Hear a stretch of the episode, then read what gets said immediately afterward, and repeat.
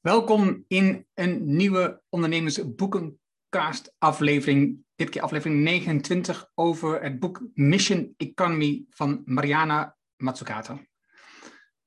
We hebben hier een boek van, dan gaat Tom laten zien in de video, dus als je de video ziet, dan zie je nu het boek. We hebben hier een boek besproken van Mariana, The Value of Everything, de waarde van alles. En haar stijl bevalt ons allebei, haar denkwijze, de ideeën. En vandaar dat we ook haar nieuwste boek, want dit is haar nieuwste boek, die hebben gepakt voor de Boekenpodcast. En ja, voor mij in het kort een super interessant boek dat je inzicht geeft over hoe de samenwerking van overheid en bedrijven uh, verbeterd moet worden. Om ervoor te zorgen dat we ja, de grootste uitdagingen waar we voor staan, als je kijkt naar milieu, naar gezondheid, naar fossiele brandstoffen, naar de vervuiling, dat we daar iets aan moeten doen. En, en dat kan alleen als die, volgens Mariana, ja, ik vind uiteraard ook, anders zal ik het boek niet te drie aanbevelen, maar ja, dat kan alleen als de overheid en de bedrijven samenwerken. Ik, ik hoor heel veel mensen zeggen, uh, zeker als ik met mensen waar ik mee werk, dat ze eigenlijk willen werken met ondernemers, omdat ondernemers als enige het kunnen veranderen. En ik, ik, eh, ik twijfel daarover en ik zeker nu ik haar boek lees, denk ik, nee, het is, het is niet alleen de bedrijven. De bedrijven zijn niet als enige verantwoorde. De overheid speelt daar een enorm belangrijke rol in. En het is echt een samenwerking voor ja, een duurzamer leven.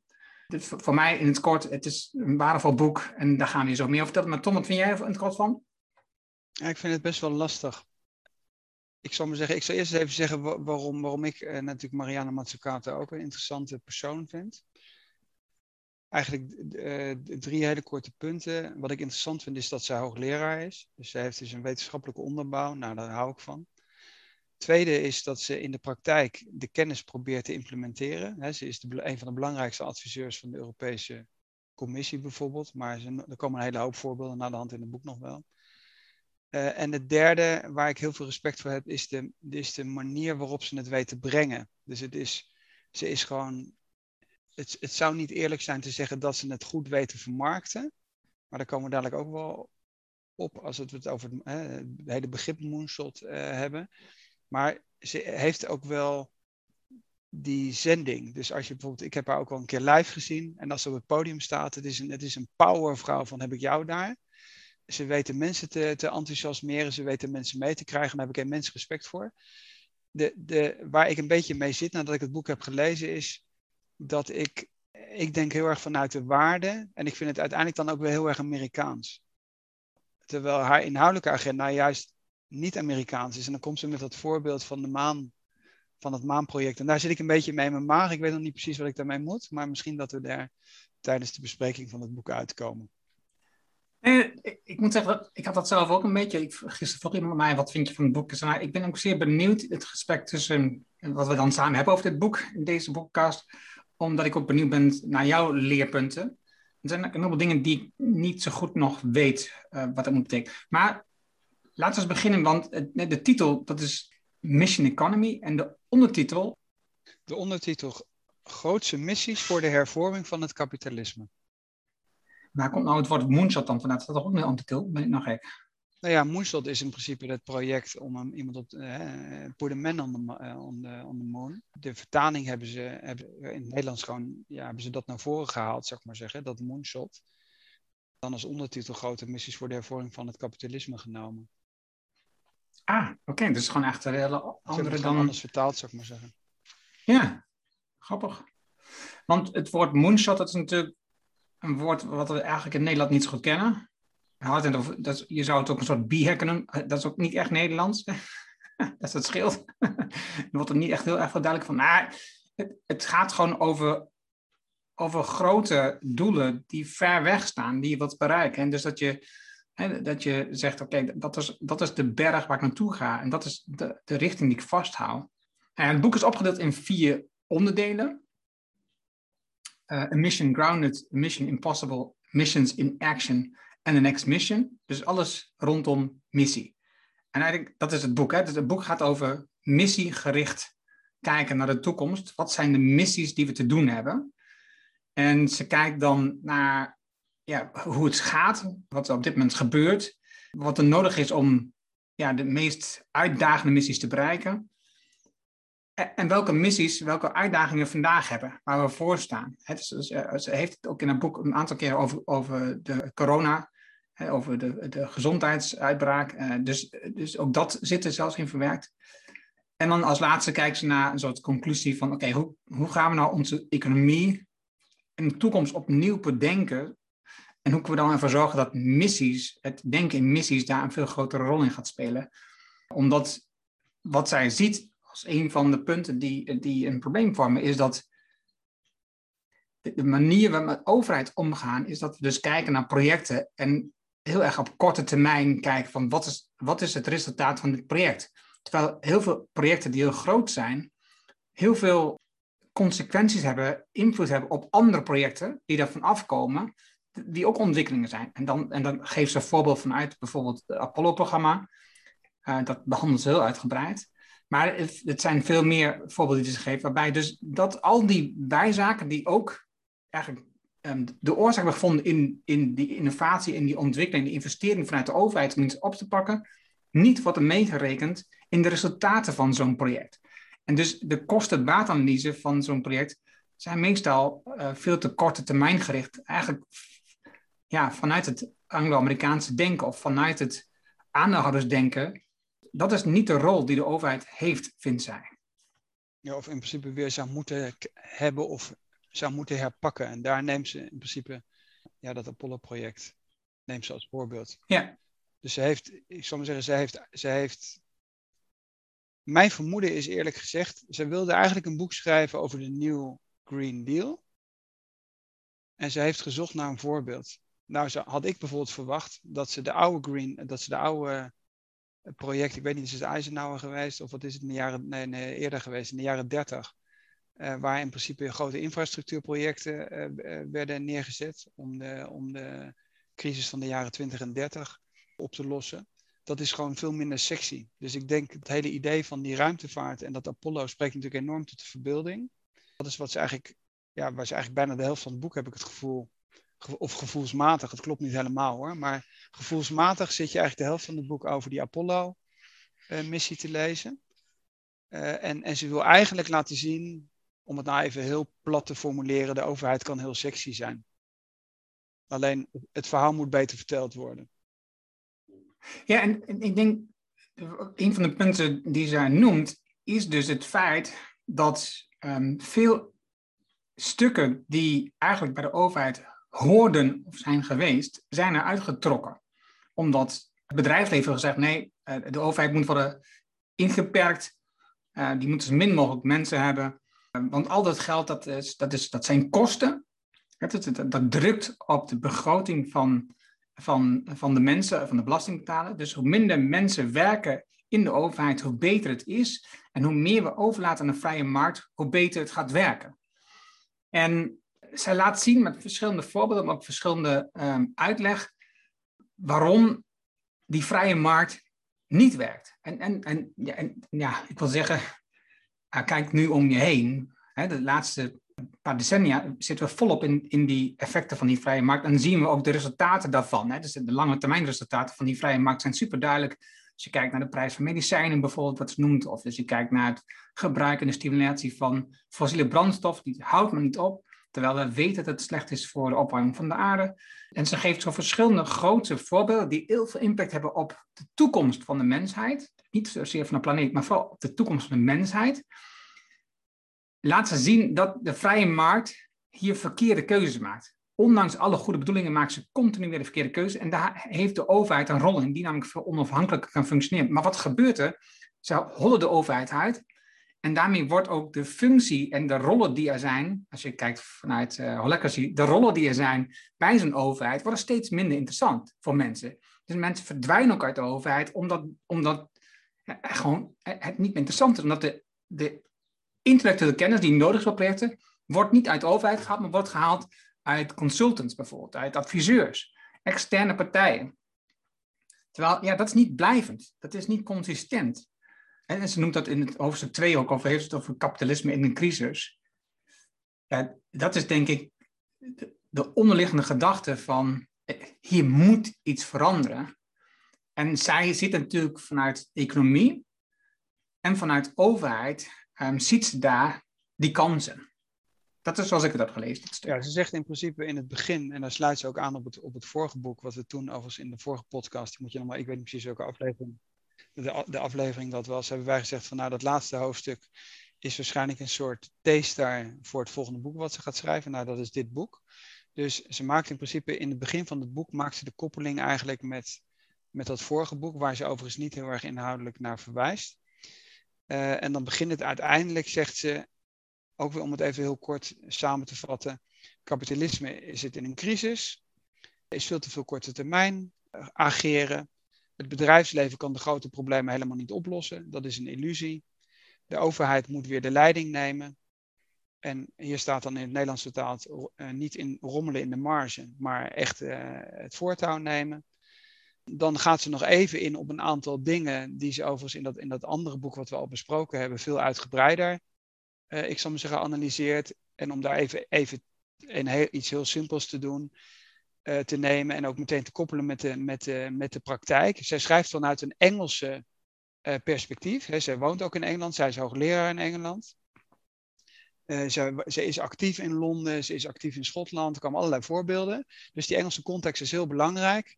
En in Engeland slaat het alweer de andere kant op. Dus vorige week was de aankondiging dat uiteindelijk British Rail weer genationaliseerd wordt. Nou, dat, werd, dat heette dan niet nationaliseren, maar daar wordt een soort Great Britain Rail wordt er overheen uh, gezet. Dus eigenlijk wordt de boel daar alweer teruggedraaid. Waarom? Omdat Engeland als eerste alles geprivatiseerd heeft. Nou, lang verhaal kort het idee dat alles beter functioneert als je het privatiseert, daar is men inmiddels in Engeland al achter.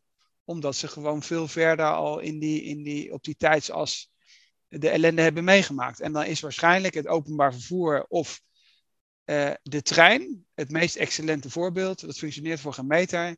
Uh, uh, en dat kennen we ook, in Nederland. Hè, dus als je, als je het spoor scheidt van de NS, uh, en het spoor wil geen onderhoud meer doen. En dan liggen de bladeren op de rails en het functioneert niet meer omdat je eigenlijk de wissels had moeten investeren, et cetera. Dat is een typisch voorbeeld van een collectief goed.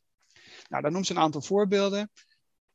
En, en zegt eigenlijk, het is helemaal niet zo dat alles door het bedrijfsleven beter wordt gedaan. En er zijn een hele hoop, hele hoop gradaties en een hele hoop voorbeelden in, in.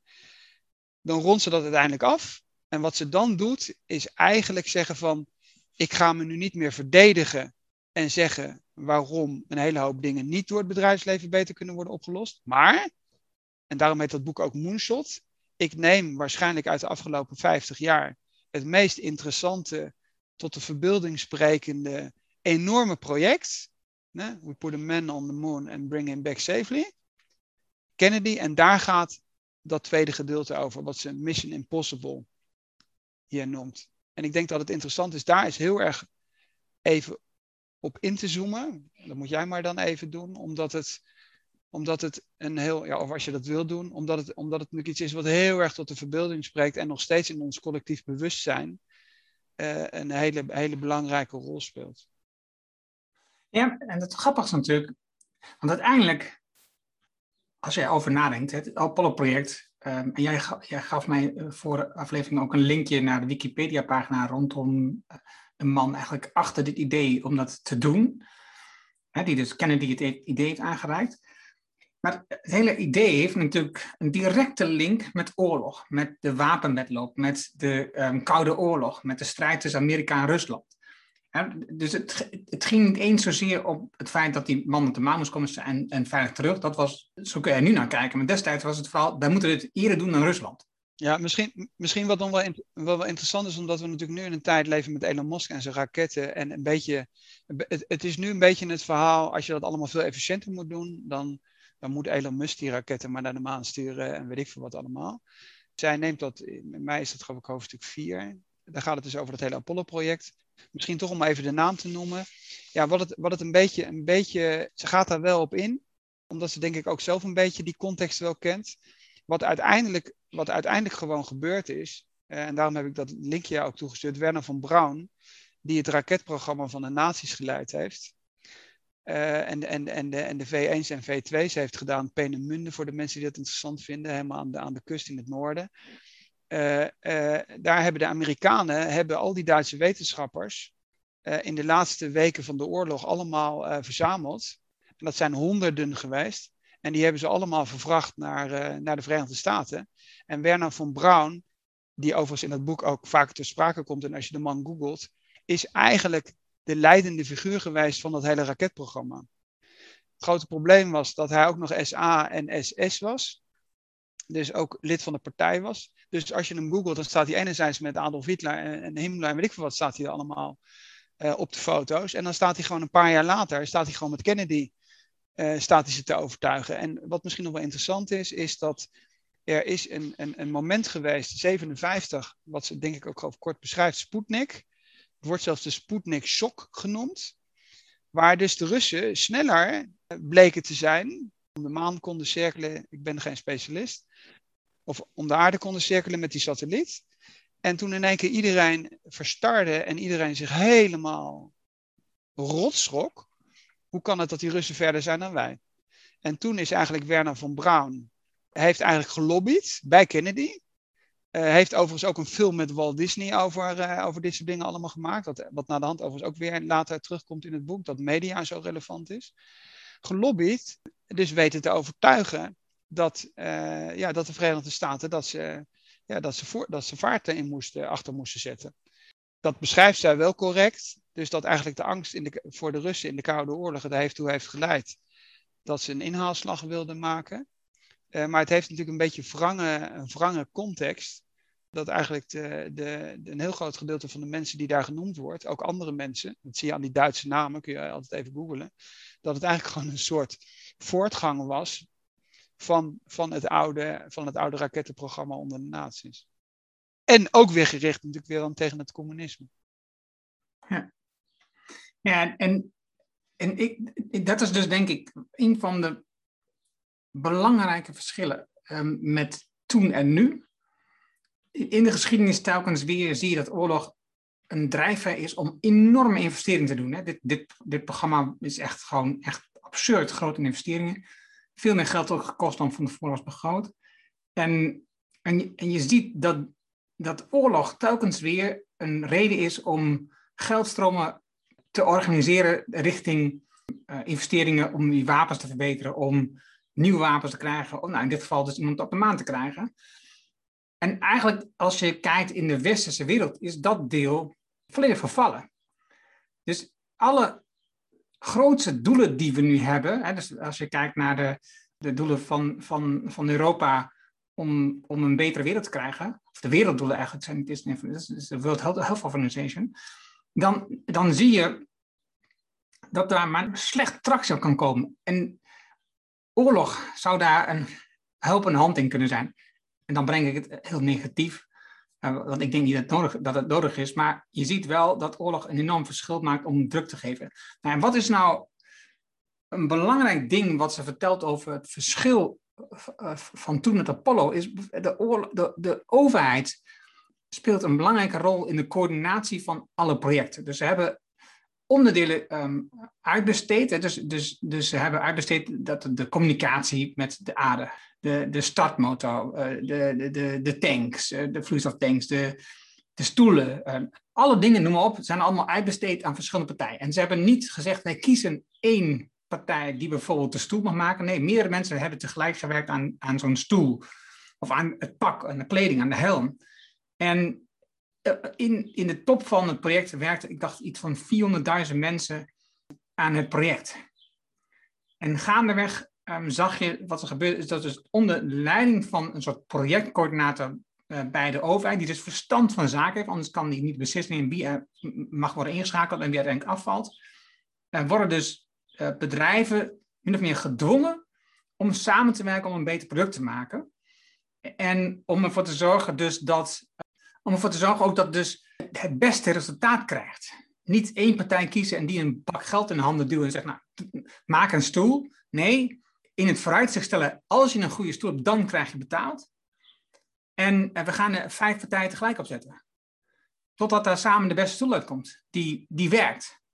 Dat is denk ik wat ze hier in dit voorbeeld laat zien, is wat het effect daarvan is als de overheid een centrale rol speelt de kennis in huis heeft en tegelijkertijd de hand op de knip houdt.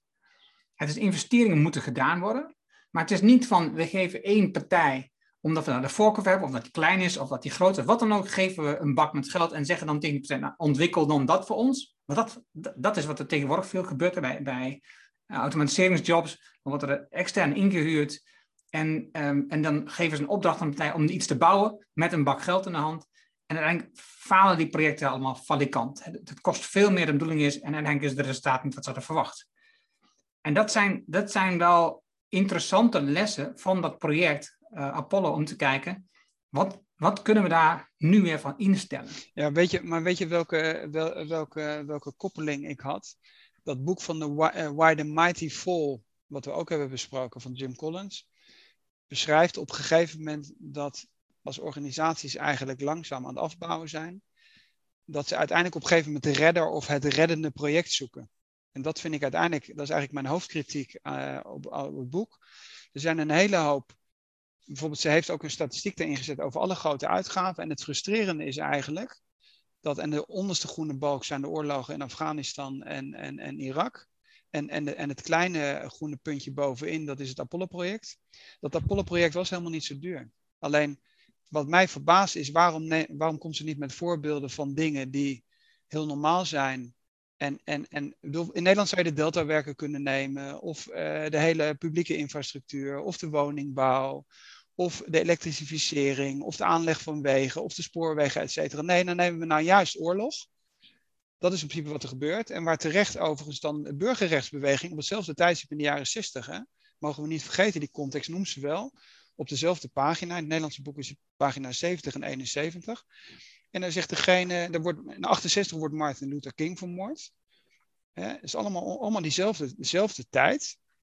En dat gebeurt ook niks voor niks.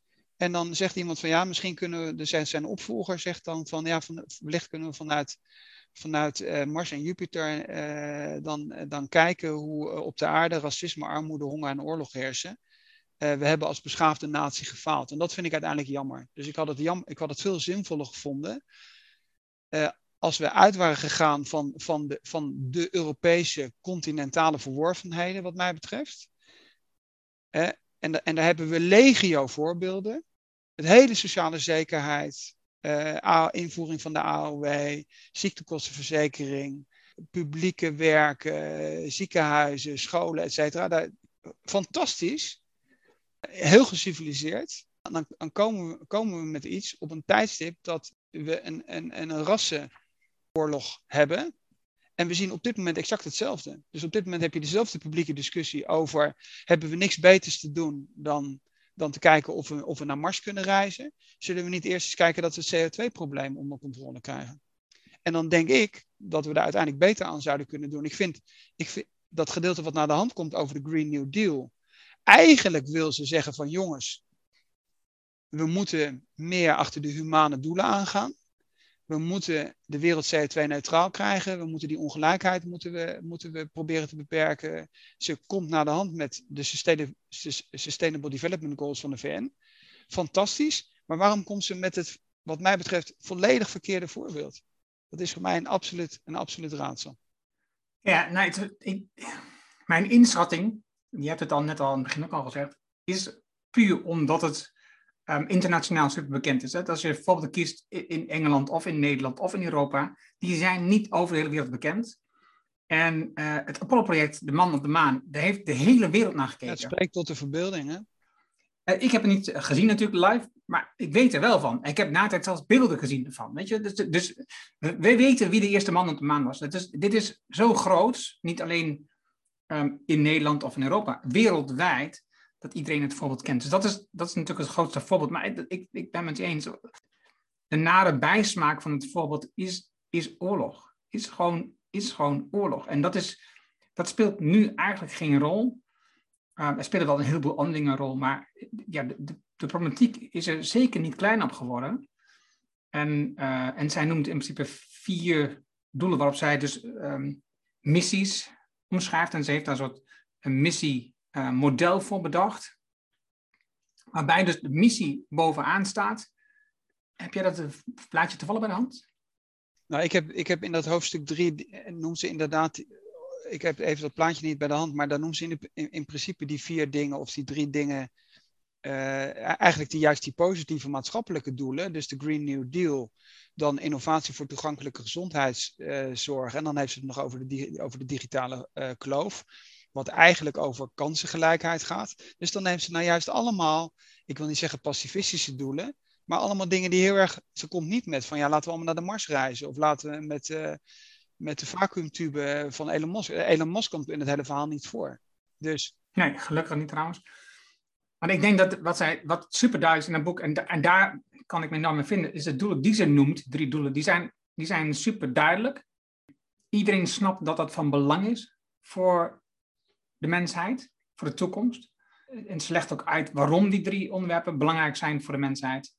dus, dus we kunnen hier in Nederland wel denken, uh, hoezo digitale gelijkheid? Dat is toch overal hetzelfde? Nou, dat is dus echt niet zo, dus dat, dat laat ze ook zien. Uh, we zien ook de ongelijkheid in de gezondheidszorg, waarbij medicijnen, ik zie zo Twitter ook als voorbij komen, hè, dus dan, penicilline in, in Amerika kost 2000 dollar en dezelfde dosis kost in Denemarken 0 euro. En, um, en mensen begrijpen niet waarom. Nou ja, dat is super duidelijk waarom. Het kapitalisme. Dus, hè, dus bedrijven hebben met hulp van overheid investeringen gekregen om te onderzoeken. En hebben het daarna dus op een private manier uitgebuit. Hè. Dus kijk, hoe kan ik daar de meeste vrucht van plukken? En zij noemt wel Elon Musk overigens, maar op een andere manier. Want ze geeft aan dat uh, de investeringen die ze hebben gedaan vanuit de overheid in de drie bedrijven van Elon Musk, die zijn enorm. Hè. Dus dat was een van, iets van 3 miljard uit mijn hoofd. En het rare wat daarbij gebeurt, is dat, dat noemt ze dus een punt van, oké, dat, dat is wat we moeten veranderen, is dat dus de overheid um, stelt eigenlijk nauwelijks voorwaarden aan, aan zo'n investering, aan zo'n lening. Het was in dit geval waren het leningen. En wat doet Elon Musk op een bepaald moment? Die heeft de waarde van het bedrijf, de, de aandeel zo opgevoerd, dat een afdaling van die 3 miljard eigenlijk een schijntje is.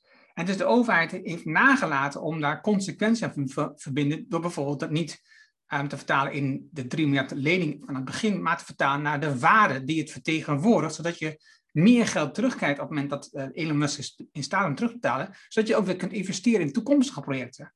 Dat, dat zie je nu nog steeds. Hè. Ze geeft voorbeelden van um, Europese landen die hebben nagelaten om, Nederland hebben een goede voorbeeld van, om voorwaarden te verkoppelen aan de vergoedingen die ze hebben gegeven, of moet het zeggen, de, de, de ondersteuning die ze hebben gegeven nu met corona.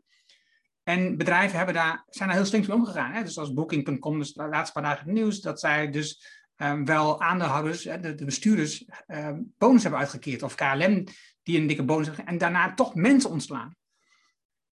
Terwijl daar, was die, daar was die ondersteuning niet voor bedoeld. En dat is wel de vertaling die wij als burger krijgen. Het gevoel, wacht even, wij betalen belasting met, met elkaar. En dan moeten uiteindelijk moeten we dat weer terug gaan betalen op een manier. Dus, en en daar wordt een, bedrijf voor, voor ondersteund, wat uiteindelijk een heel groot deel daarvan naar de bestuurders gaat, of de eigenaar, de CEO, wat dan ook. Nou ja, dat is toch een eigenaardig iets. Maar zij zit heel erg op grote. Ah, ik, ik pak toch even een plaatje erbij, misschien dat je, misschien dat, je dat bedoelt. Ik zou zeggen, zij zit heel erg op uh, grote uitdagingen, mi missies en dan, en dan voorbeeldprojecten. Ik denk heel eerlijk gezegd dat de traditie die we hebben, en waar iedereen ook heel erg trots op is, heel erg vanuit de normen en waarden gaat. Dus als bijvoorbeeld, ze heeft de bladzijde van alle Sustainable Development Goals van de, van de Verenigde Naties. Dus even een heel simpel voorbeeld. Als je, punt 1 is geen armoede. Nou, wat, is nou ons, onze, wat zijn onze collectieve waarden en normen met betrekking tot geen, uh, geen armoede? Dat is verplichte ziektekostenverzekering, minimumloon. Uh, dus al die discussies die op dit moment ook een rol spelen, juist in de Verenigde Staten. Dus wat ik niet begrijp is, maar waarom pak je niet gewoon die SDG's, die Sustainable Development Goals, zegt van waar hebben we het minste armoede, waar hebben we het minste ongelijkheid, dan land je overigens weer bij Scandinavië. Dan zul je zien dat je een naar verhouding hoog minimumloon heeft, dan zul je zien dat de bedrijven belasting moeten betalen, dan, dan zul je zien dat, dat, dat, dat, geen geld voor scholen. Zo, zo moeilijk is dat helemaal niet. Dus je moet gewoon weer terug. In Nederland zou je zeggen, je moet de kinderopvang, die zou gratis moeten zijn en zou een primaire opgave van de overheid moeten zijn. Begrijpt iedereen onmiddellijk. Heb je helemaal geen mission project voor nodig. Je draait, je draait de studiefinancieringskosten draaien weer terug. Dus zo complex is dat helemaal niet. Dus als je dan een project eruit haalt en zegt van laten we 100 steden bijvoorbeeld in Europa selecteren die dan op een bepaald moment CO2-neutraal is. Ik denk gewoon dat de burger gewoon zit van ja, zolang het vliegen 20 euro kost als ik naar Barcelona wil en een treinkaartje 10 keer zo duur, dan zijn er twee mogelijkheden. Of je, je gaat de spoorwegen, spoorwegen zo sterk subsidiëren dat ze kunnen concurreren met het vliegen, of je maakt het vliegen duurder.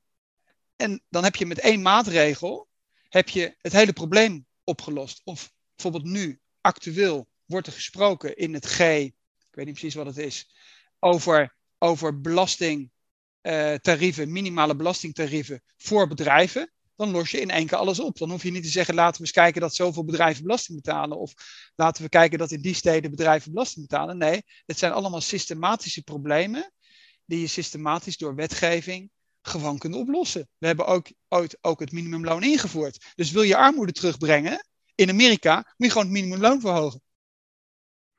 Ja, nou, nu, nu, maak ik me verder niet zo druk over Amerika indirect, omdat ik denk dat we in Europa genoeg uitdagingen hebben. Europa wat mij van, ja, precies. Maar wat voor mij van belang is, is de voorbeelden die je schetst, die zijn super duidelijk. Van belang is namelijk dat de overheid hier een rol in gaat spelen. En niet de oren laat hangen naar de grote bedrijven. KLM in dit geval bijvoorbeeld in Nederland. Hè. Dus, en, maar ook andere, eh, de, de prijsconcurrenten die voor veel te weinig, eh, voor veel te laag bedragen, zonder uh, belasting op kerosine, zonder belasting op de, op de tickets, um, direct een voorsprong hebben op, uh, op de andere vervoersmogelijkheden.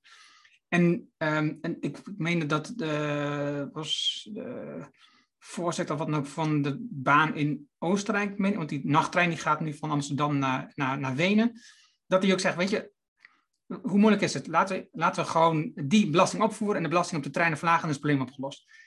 Maar, maar dat, dat, wat ze schetst in die missievraag is dus in ieder geval dat waar er dus nu eigenlijk een soort, je zit in jouw column te werken.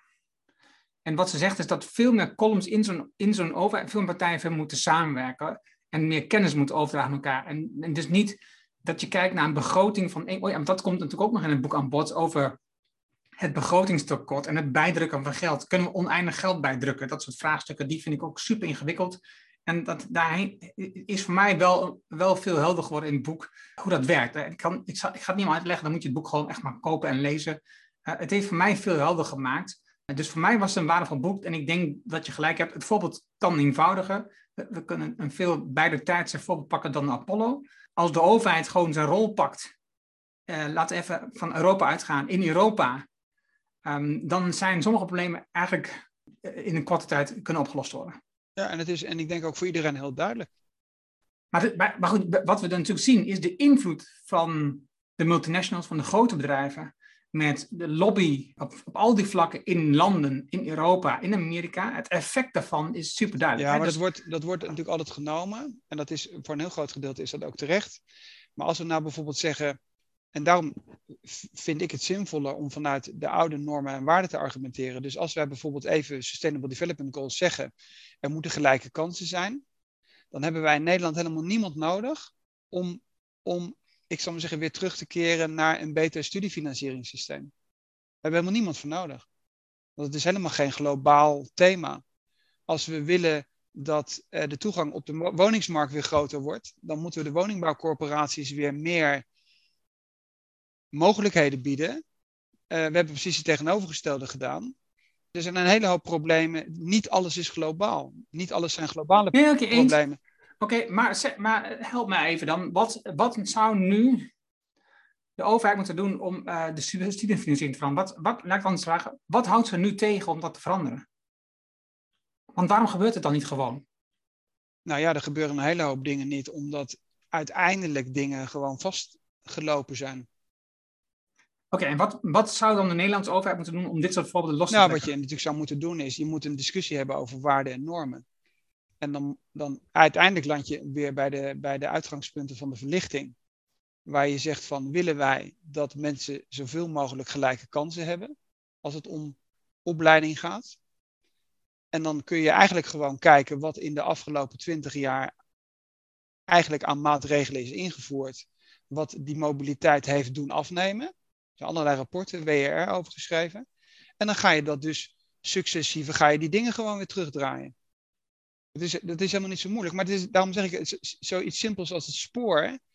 Op het moment dat je de NS privatiseert en dan het onderhoud of de rails scheidt van degene die op die rails rijdt, ja, dan is het logisch dat dat niet meer functioneert, want diegene heeft geen belang bij om, om zoveel mogelijk te investeren in de infrastructuur. Moet de NS een winstdoelmerk hebben? Nee, helemaal niet. Die moeten alleen, het enige wat relevant is bij, bij publiek transport, is dat het rijdt, dat het veel rijdt. En als we zeggen dat het allergrootste probleem klimaat is, dan zou je dus heel kort door de bocht kunnen zeggen: wij subsidiëren sowieso al een heel groot gedeelte van het openbaar vervoer. Wat zou dat nou eigenlijk kosten als we het gratis zouden maken? Want dat is de enige manier om, ik zal maar zeggen, de uitstoot op de wegen op te lossen. Nou, dat begrijpt iedereen. En de studiefinanciering begrijpt ook iedereen. Dus er zijn, zo, zo complex is dat in principe niet. Dus ik zou de nationale problemen scheiden van de internationale problemen. Die nationale problemen zoveel mogelijk proberen op te lossen door dingen uit te ruilen. Zoals we dat in Nederland ooit hebben gedaan met het algemeen kiesrecht tegen de schoolstrijd, pacificatie in 1919. Zodat je alle aandacht en energie over hebt om de, het grote probleem, wat zij overigens ook beschrijft, de Green New Deal, om dat op te lossen. Omdat het, dat is het enige echte grote probleem wat je niet nationaal kunt oplossen. Om het nou even heel, uh, ik zal maar zeggen, simpel samen te vatten. Er hangt natuurlijk biodiversiteit aan een hele hoop andere dingen nog. Maar klimaat is het enige wat echt heel erg problematisch is en waar het eigenlijk 5 na 12 is. Oké, ik wil hem afsluiten. En ik wil één ding niet vergeten om te vermelden. Uh, in, het laatste hoofdstuk heeft het over dat ze meerdere vrouwelijke wetenschappers heeft aangehaald in het boek. En een mooie zin daarbij die ze zegt is, die het leven centraal hebben gesteld in de economie en niet de economie centraal in het leven. Uh, mensen als Hannah Arends, Elinor Oostrom, Kate Raworth, Stephanie Kelton, Edith Penrose en Carlotta, Carlotta Teres. En, en, en zo kun je nog meer nemen, want in het vorige boek heeft het ook over ORC uit Amerika. Dus wat mij opvalt, en ik vind het dus ook heel erg mooi, is de, de, de sterke rol van de vrouw in deze andere manier van denken, in een manier van denken, in het samendenken, in het uitgaan naar, naar de goede weg en niet zomaar voortzetten van meer omzet, meer winst en meer resultaat. Nee, maar wat, moeten we, wat, is, wat is het wat we werkelijk willen veranderen? Wat is werkelijk wat we willen bereiken? Een van de belangrijkste vragen die je moet hebben, ook als je wilt investeren als overheid, wat is wat we willen bereiken? En dus voor mij is dat, dat soort dingen zijn gewoon al de moeite waard om het boek te lezen, ondanks al die dingen die we net genoemd hebben, wat nog beter kan. Uh, misschien een vervolgboek voor haar. Wat is, wat, is, wat is jij? Wat wil je nog in ieder geval zeggen? Wat is je conclusie? Wat, de, wat jij nu net noemt is heel goed. Uh, dus zij zit in een hele groep met, met vrouwelijke wetenschappers. En daar is een heel goed artikel over geschreven in de correspondent. Misschien dat we dat even bij moeten zoeken.